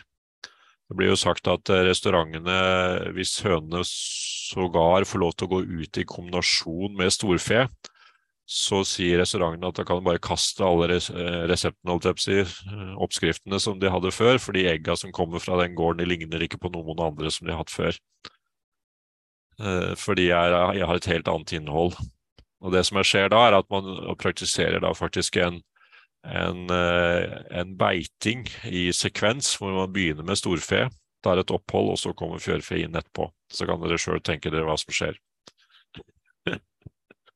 Jeg kunne vist bilder. Da kommer gjødselsprederne, rett og slett, eh, på to bein. Men da skal vi gå litt videre. Um, plantebasert mat i din kommune, både produksjon og mat. Uh, nå husker jeg ikke om jeg har et eksempel her lenger ut, men i Horten kommune uh, så er det nå satt i gang et prosjekt hvor man uh, kjøper, kjøper, inn mat fra lokale produsenter, grønnsakprodusenter, til skoler og barnehager. direkte. Og så vil jo mange si at ja, hvordan er det mulig, for man har jo rammeavtale med ASKO eller med Meny eller Norgesgruppen eller hvem det er. Eh, men der har Horten kommune funnet ut at det er mulig å gjøre innenfor rammeavtalen. Altså man, har, man er ikke 100% bundet av en rammeavtale, man har plass til noen prosent, 5 eller 10 eh, som man har lov til å kjøpe fra andre. Og der har man da laget et opplegg med å kjøpe det fra, fra lokale. Vi skal se om vi kommer litt tilbake til det der. Så har jeg så vidt sveipa innom eh, bare, bare et spørsmål, Harald. Eh, rammeavtale. Eh, er det noen man da må passe på å få inn i rammeavtalen? At man kan kjøpe noe annet, eller er det en helt standard greie? Jeg vil vel kanskje tro at den er standard, men uh, jeg syns jeg så Benjamin her. Jeg vet ikke om han er med oss fortsatt? Han var, uh, har vært delaktig i det prosjektet? Nei, han er ikke her lenger. Nei. uh, Men det kan nok være nyanser over det temaet der, sånn at det er et poeng å ikke være 100 bindig. Altså at du ikke skriver avtale hvor alt skal leveres fra, fra den og den. Det de gjorde her, var at de, eh, de har da laget et opplegg hvor de eh, Hvor da bøndene leverer eh, til kommunen til ett punkt og så bruker man eh, en arbeidsmarkedsbedrift, mener jeg det var, til å kjøre de varene videre ut til de 23 skoler og barnehagene som er i kommunen. For det blei veldig plundrete for bonden å levere på 23 steder. Eh, sånn at det er en kombinasjon av et arbeidsmarkedstiltak og et lokalt innkjøpsprosjekt. Og da i et sånt volum at det går under si, radaren til rammeavtalen. Men det å fremme plantebasert mat i din kommune, det kan jo også være alt mulig. Kantine, og her er det mange muligheter. Eh, skal se vidt innom energi. Det har det jo vært voldsomt fokus på pga. høye strømpriser. Eh, jeg kunne sagt mye om det, eh, så det kunne vært et eget foredrag. Men Veldig mange tenker på solceller som liksom det mest nærliggende. Bygd en ny skole i bygda mi. Den eh, har solceller, men har veldig lite areal. Eh, så når det gjelder solceller, så er det vel egentlig behov for å utfordre det mye mer enn det man gjør. Eh, og det er et eksempel på at eh, det å støtte til prosjektutvikling der er interessant. Fylkeskommunen Vestfold og Telemark har gjort det, eh, hvor de på en måte har gitt støtte til prosjektutvikling. Og så kommer på en måte Innovasjon Norge eller Enova inn i trinn to og gir støtte til selve solcellene. Eh, og det vi ser da, er at de klarer da f.eks. å legge opp prosjekter hvor de legger solceller på vegger og tak, altså hvor du utnytter mye større areal på bygget enn bare den tradisjonelle flekken midt oppå taket, som vi ser noen eksempler på. Eh, og vi ser jo også noen integrerte solceller. Jeg kom over en leverandør som leverer solceller som ser ut som et platetak, hvis du kjenner de der med sånn avstand, altså sånne, sånne skjøter i platene, på en måte. Vanlig platetak, så det var ikke mulig å se at det var solceller. Eh, og vi har jo også et eksempel fra Strand eh, kirke i eh, Rogaland en plass, hvor det da er skifersolceller på en, en gammel kirke. Og står du på bakken, så er det ikke mulig å se at det er solceller på det taket. og det å utforske sånne ting, det tenker jeg på en måte er en sånn innovasjon som som eh, en fylkeskommune eller en kommune kan være med på. Eh, det er ikke sikkert det er noen poeng å gi direkte støtte til sjølve solcella, fordi eh, da kan det også fort komme en konflikt, slik at Enova sier at vi kan ikke gi støtte fordi fylkeskommunen har gjort det, eller motsatt. Så Derfor er det mer snakk om å utforske mulighetene. Og Det gjelder i høyeste grad også på de neste her. Og Det er solvarme. Der er det veldig mye spennende hvis man tenker litt utafor boksen. De fleste av dere har kjent på en svart slange i sola. Og kjenner hvor varm den er. Og Det siste som vi har sett eksempler på nå, som kommer fra noe av det samme miljøet jeg har kontakt med på NBU, det er at man lager et gjerde med svarte slanger. Og det er da en solfanger. Og I stedet for å sette den opp på taket, som har noen komplikasjoner med rør ned langs veggen og diverse ting, så lager man et gjerde som bare rett og slett er en drøss med rør. Eh, og, som har, og, som da fanger mye energi i sola. Eh, og du kan for så vidt også legge den på taket, men det er enklere å ha den på bakken, for det er lettere å sette opp og for så vidt lettere å kontrollere og fjerne og så videre hvis man vil det. Men så er da det unike her, det er at man kjører dette ned i bakken som et varmebatteri. Eh, og så vil jo noen si at ja, men eh, det kommer jo til å bli kaldt. Jo, nå er det kuldegrader ute, så nå er det frost. Men det kommer ikke til å bli kaldt akkurat der. Eh, så trikset her er å utvikle et varmebatteri. Fjell skole ved Drammen har gjort dette nå, i stor skala. Eh, og eh, vi har et prosjekt i vår fylkeskommune, Færder eh, videregående skole, hvor de har gjort det samme. Hvor de da la, borer man borer rør ned i bakken, men man bruker ikke det samme prinsippet som man kjenner til med vann-til-vann varmepumper, fordi prinsippet her er at vannet er allerede varmt når vi kjører det ned i bakken. Fordi vi har varma det opp i sola. Eh, også er prinsippet da, at man borer heller ikke så kjempedypt, sånn som det er snakk om hvis man snakker om liksom, geovarme. Eh, for man borer kanskje bare 30-50 meter, og så borer man flere hull i en sirkel, som omtrent som en termos, og så fyller man på med varmt vann.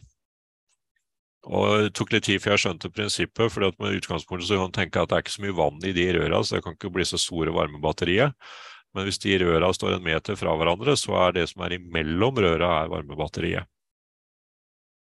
Og Hvis det da er løsmasser, så er det ypperlig, og hvis det er fjell, så er det også ypperlig. Eh, da har du egentlig varmet opp fjellet. Og det fjellet vil fortsette å gi varme utover vinteren. Disse prinsippene som det er snakk om her, de trenger uttesting.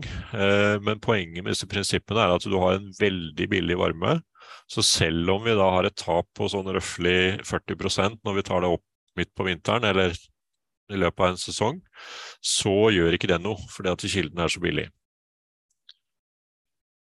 Eh, og så kan man også kombinere de tingene som vi har sett på her, med at man kjører solceller som strømkilde for å kjøre en varmeveksler for eventuelt å øke temperaturen på det du kjører ned i bakken.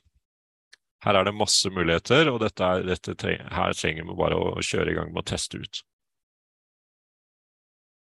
Eh, biogass er en annen en, men den kan vi eventuelt spare. Den kjenner dere for så vidt. Poenget her er å peke på mulighetene og, og gi eh, støtte til utvikling. Eh, og så vil jeg jo tenke at liksom, selve investeringen kan man kanskje sende videre. Men det er klart at disse gjerdene som vi snakker om, de kan bli så enkle at det er liksom ikke den store støttegreia heller.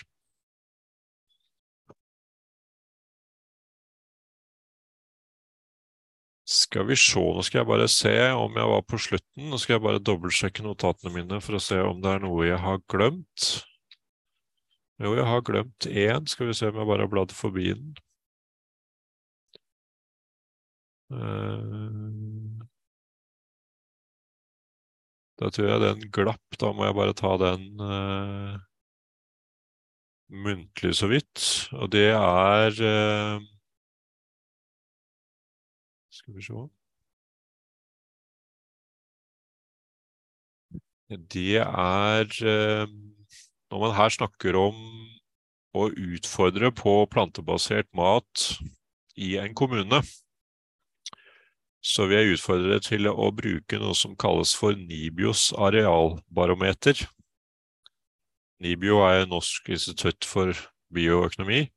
Eh, de har et arealbarometer som er en nettside, hvor du kan legge inn fylke eller kommune som du vil søke på. Eh, og da finner du ut hva som blir dyrka i din kommune. Fordelt på korn, grønnsaker, poteter og osv., så videre, sånn som jeg viste innledningsvis. Grunnen til at jeg refererer til den, er at jeg har brukt den ganske mye sjøl, og blir stadig sjokkert over hvor lite grønnsaker det er på forskjellige plasser rundt omkring. Jeg nevnte Lillestrøm så vidt her, og det var et eksempel hvor jeg da i Lillestrøm finner ni dekar med grønnsaker. Og Lillestrøm er en relativt stor landbrukskommune. Eh, og Det betyr at her er det store muligheter for å produsere mye mer. Og Lillestrøm, eh, hvis de gidder å gå så langt som til Oslo, så de, kan de i hvert fall ikke klage på at de ikke har noe marked. For å si det sånn. Så den kan jeg anbefale. Den hadde falt ut av notatene mine, men det er, et, det er et, sånt, på en måte et eksempel på å undersøke litt hvordan det ser ut. Hvis vi har tid eller lyst her, så kan vi også slå opp det barometeret, men det kan dere gjøre etter, etter møtet. Harald, jeg tenker vi må være litt strengt på tida klokka ti. Så da er det grense for lenge disse folka skal holde seg våkne. Så da ja, og det går, veldig, det går veldig greit, for nå er jeg egentlig i mål, så nå er det fritt fram for spørsmål.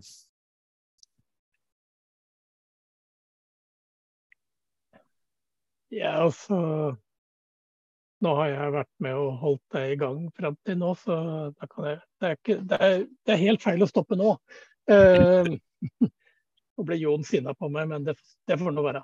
Uh, det der med Det var bare en refleksjon. Det med uh, oh, det, det gjerdet. Altså solvarmen, spikka solceller, men som er Det heter Du sa det i stad, du også. Nå står det bare helt stille for meg. Det heter Sol, Solfanger, egentlig. Solfangere heter det. Mm. Det, altså jeg, har bare, jeg har hørt mye om det og fått det promotert mye eh, gjennom andre kontakter. Og, men å ha det i et gjerde, det var liksom blink. Det har aldri slått meg at det var en eh, greie. Nei, den er helt ny, så den er vel knapt nok lansert. Eh, men det som er uh, bakgrunnen for den, er at det å ha solfangere på tak er relativt komplisert, ganske kostbart. Eh, fordi at du får ganske mye utfordringer med røropplegg osv. Uh, og det er dyre elementer, fordi at de består jo både av den svarte plata som ligner på solcellene, og et rørsystem på baksida.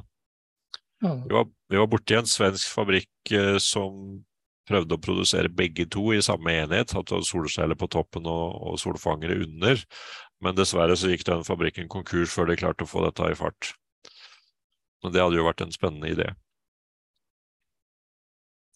Men det som er poenget med solfangene, eller poenget med det eksempelet med gjerdet, er vel egentlig bare sånn oppfinnsomhet. Altså, det er et eksempel på at det går an å fange energi på mange måter. Eh, det var vel eh, beskrevet et eksempel nå fra Færder videregående, hvor dette da skal settes ut i livet. Det er i ferd med å bygges i disse dager. Eh, og der ble det sagt at de fikk 18 kW fra solcellene, og så fikk de 60 kW fra gjerdet. Men jeg har ikke, detalj, har ikke detaljene, målene på det, men eh, på hvor stort gjerde er. Det som er spennende med sånt gjerde, er at hvis du tenker et gårdsbruk eller tenker et industriområde eller lignende, så finner du alltid som plass å sette opp det gjerdet. Jeg skulle tro det, ja. Yes. Nå må du komme tilbake til skjermen, Jon, for nå er jeg ferdig med å spørre og prate. Der kom katten. Ja, hva? Det er bikkje. Bikkje er i kattestørrelse. Der, ja. ja, dette var en liten sånn smakebit på ideer til programarbeid. Kanskje ikke sånn veldig strukturert, men, eh, men eh, jeg prøver å sette litt inn i sammenhengen med vår landbrukspolitikk, og, og samtidig litt ideer. Og det som er poenget mitt her, er egentlig at det er en god del av dette som kan gjøres lokalt. og det er også et poeng at det faktisk er stort behov for det. Eh, fordi at dette også, Men så skal man jo kanskje si at dette skal jo Bondelaget gjøre, eller landbruksrådgivning eller andre gjøre, men da må man heller eh, gå i allianse med de, altså gjøre det sammen med de. Noen må jo fòre dem med ideer også. Ja. Og de trengs vel også å utfordres, har jeg inntrykk av. Det, ja. det kan hende at Eller jeg, jeg syns de er litt snevre til tider varierer veldig med hvilke rådgivere som, som er. Mm. Men Bjørn? Ja, jeg ville egentlig bare si mange takk til Harald her. Det har vært MDGs landbrukspolitikk har jo gjort store framskritt i det siste, ikke helt tilfeldig. Mange takk. Takk. Ja, nei, men hvis ikke jeg ser det har vært litt, litt frafall her, men uh, når vi har tidsramme fram til klokka ti, så er jo ikke det så, så rart. Men eh, det blir jo lagt ut også der her, da, så, det, så håper jeg da at det blir, det blir brukt og inspirert.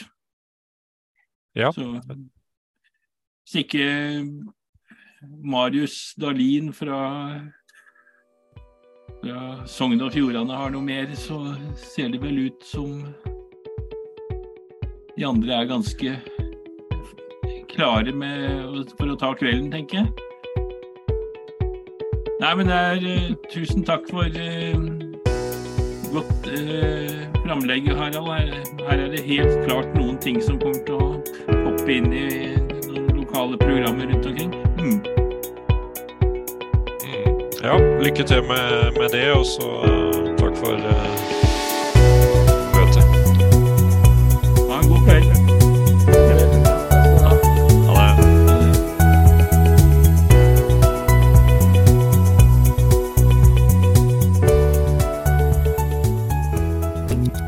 Grønn torsdag.